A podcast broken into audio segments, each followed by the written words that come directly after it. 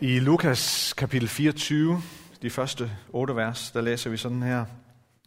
Meget tidligt om morgenen, den første dag i ugen, kom kvinderne til graven med de vellugtende salver, som de havde tilberedt.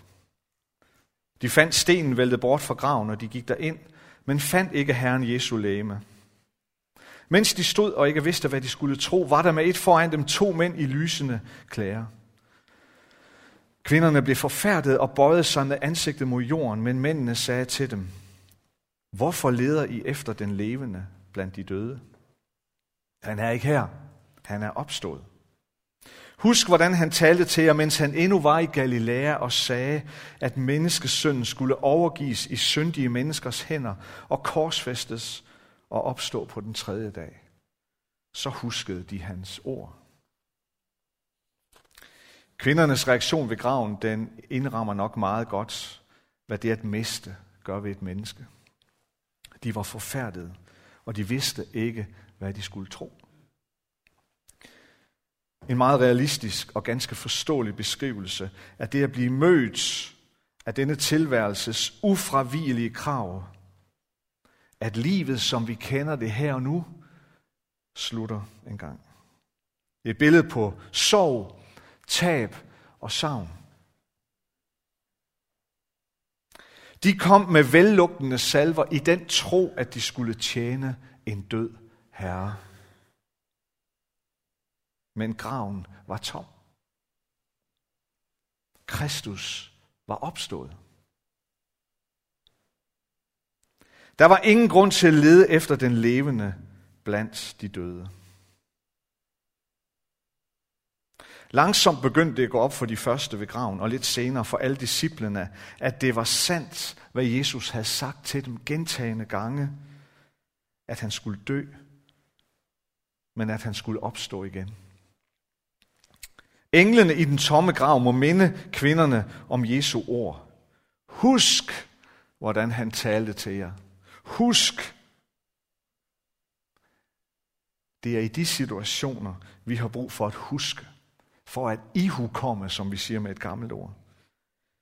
Det er der, når vi er presset helt derud, hvor det kan synes som om, at der ikke er noget menneskeligt, der kan hjælpe os at løfte sorgen af vores skuldre. Det er der, vi skal huske. Det er der, vi skal huske, hvad Jesus har sagt til os, og hvad han har lovet os. Paulus han skriver i 1. Korintherbrev kapitel 15, og fra vers 17. Men er Kristus ikke opstået, så er jeres tro forgæves. Så er I stadig i jeres sønder, og så er også de, som er sovet hen i Kristus, gået fortabt. Har vi alene i dette liv sat vort håb til Kristus, er vi de yngværdigste af alle mennesker. Men nu er Kristus opstået fra de døde, som førstegrøden af dem, der er sovet hen. Fordi døden kom ved et menneske, er også de dødes opstandelse kommet ved et menneske. For ligesom alle dør med Adam, skal også alle gøres levende med Kristus. Paulus han gør det klart, at der er en tydelig forbindelse mellem Jesu opstandelse og at vi mennesker derfor kan leve med udgangspunkt i et opstandelseshåb. Hvis ikke Kristus var opstået påskemorgen, så ville vores tro være både latterlig og ligegyldig. Men, siger Paulus, nu er Kristus opstået påskemorgen. Og han er opstået som førstegrøden af dem, der er sovet hen, siger Paulus. Det vil sige, Kristus, ligesom i dåben, således også i opstandelsen, har vist os vejen at vi skal opstå ligesom ham. Opstandelse, det handler om kontinuitet, om håb og identitet. Opstandelse handler om, at der er en sammenhæng mellem det liv, der er nu, og det, der kommer. Vi har et levende håb om, at livet ikke kun er på denne side, men det rækker ud over det liv, vi har og ser og kan mærke og føle her nu. Der er identitet, der er sammenhæng mellem det, der er nu, og det, der skal komme. Kristi opstandelse, det planter et håb i os. Det er overbevisningen om, at tilværelsen, tilværelsen er ikke bare sådan en, en, en flad ting, der foregår inden for rammerne af denne fysiske verden. Men der er et håb. Der er et levende håb om, at livet rækker ud over denne verden. Men opstandelseshåbet er ikke kun et håb, der gælder den kommende tilværelse. Det kaster også lys og kraft over denne tilværelse, vi lever her og nu. Opstandelseshåbet, det betyder noget for livet her og nu. Vores tilværelse her og nu kan og skal også være fyldt af håb om livsopfyldelse. Fordi graven var tom påskemorgen. Det er det skabte liv, der føres videre i det evige. Så høje og stærke tanker har Gud om det, han engang har skabt.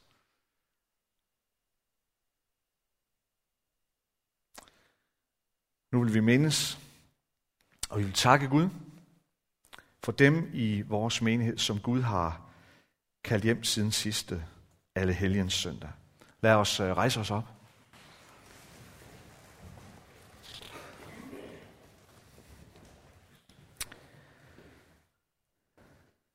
Birte Thomasen døde den 9. november 2018. Werner Bak Jensen døde den 24. marts 2019. Lad os bede sammen.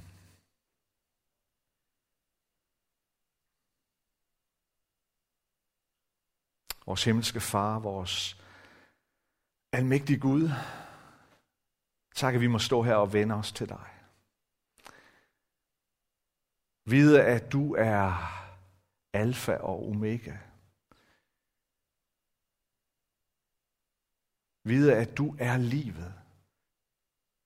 Og du er livet for os. Tak fordi du var og er livet for Birte og for Werner. Tak far, at vi må stå her som fællesskab og takke dig for deres liv. Og mindes dem. Mindes de aftryk, som de har sat i vores liv og i fællesskabet her. Far, tak fordi det er i sådan en situation, at du kommer til os, ligesom til kvinderne ved graven. Det er her, du kommer til os og siger, husk. Husk, hvad jeg har sagt til jer. Husk, hvad jeg har gjort for jer. Husk, hvem jeg er. Og det er det, vi vil gøre her, her. Tak, at vi kan gøre det nu.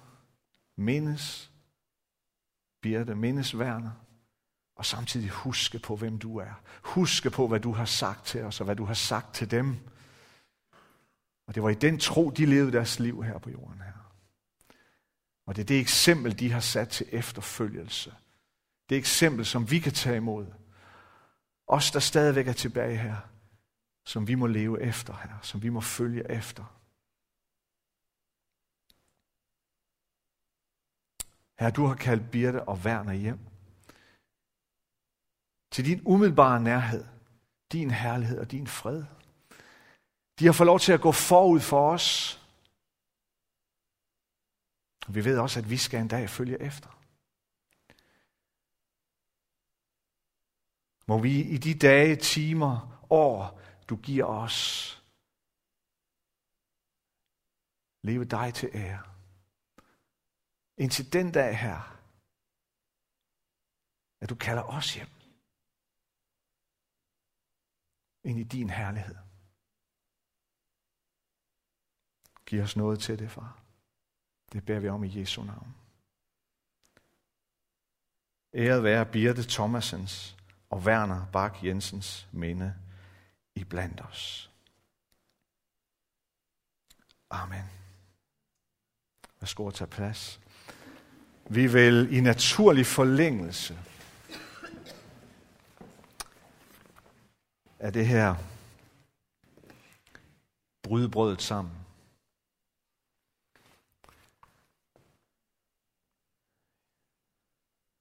Det måltid, som Jesus han indstiftede og inviterede sine disciple ind i, det er det samme, han inviterer dig og mig ind i. Det er hans spor, det er ham, der inviterer os. Døden er en ufravigelig konsekvens af livet for os mennesker. Men Jesus valgte døden frivilligt for at give liv til os. Og ligesom Jesu læme blev brudt, så inviterer han os brudte mennesker til at være der rundt omkring hans bord.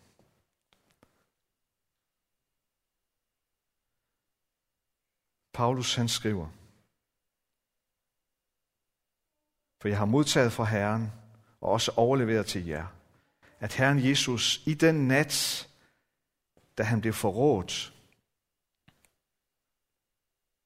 så tog han et brød, og han brød det.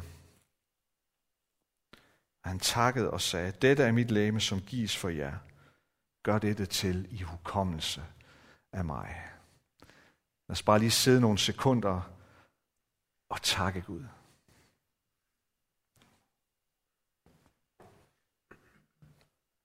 Kære Gud og far i himlen, så kommer vi til dig denne formiddag. Tak, at uanset hvilken situation vi er i livet, så er vi velkomne lige nu ved dit nadverbord. Her i dag beder jeg specielt for dem, der har mistet. Vil du være med dem lige nu, der har mistet en ægtefælle, et familiemedlem, en nær ven eller en god bekendt? Her vil du være hos dem og lade dem fornemme, at de ikke er alene. Og vil du hjælpe os, der står ved siden af? Vil du tilskynde os til at gå den ekstra mil for dem, som er tynget af sorg og savn netop nu? Vil du da hjælpe os til at gå videre sammen med dem? At vi må være den krykke og den skulder, de kan læne sig op af, når afmagten melder sig, og hverdagen bliver mørk. Tak dig Gud, at vi må lægge hinanden i din hånd og vide, at det er det bedste, vi kan gøre. Og beder jeg for os, der er her, og dem, der ikke kunne være her. Vær hos dem, hvor de er. Velsign nadvaren for os alle. Jeg beder i Jesu navn. Amen. Amen.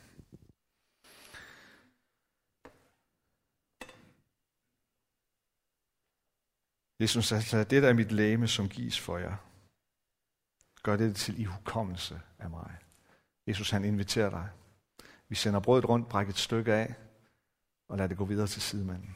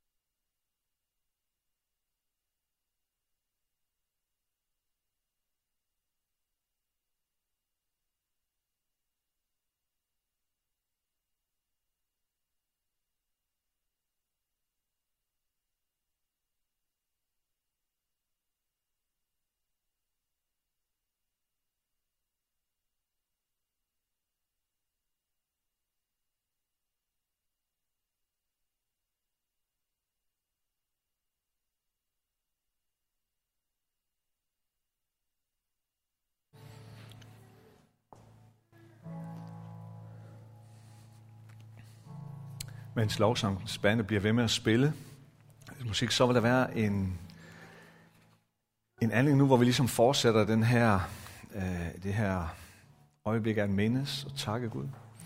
Hvor du kan gå op, hvis du føler for det, og tænde et lys. Øh, det kan være dig, som jo også i det her øjeblik oplever sorgen, savn af Birte eller Werner. Øh, og tænd det her lys som en stærk bekræftelse af, at, at de er nu de er nu ind for Guds lys. De er nu i Guds umiddelbare og fantastiske lys. Men det kan også være andre. Det kan være andre, du har mistet, som vi af god grund ikke har kunnet nævne i dag. Nogen, som du savner. Øh, så gå op og tænd et lys for dem. Det kan være, at du vil tænde et lys for nogen, som står i en svær situation. Eller du måske selv står i en svær situation. Og tænde et lys som et billede på, at, og som, et, som din bøn om, at Gud kom med, kom med dit lys ind i den her situation. Kom med dit lys og din kraft og din styrke ind i den her situation, ind i min situation eller, eller et andet menneskes situation. Vær velkommen og vær formodet til at komme herop. Tag et lille lys tændt fra et af de store lys, eller herfra, hvad der nu er nemmest, og sæt det på bordet her.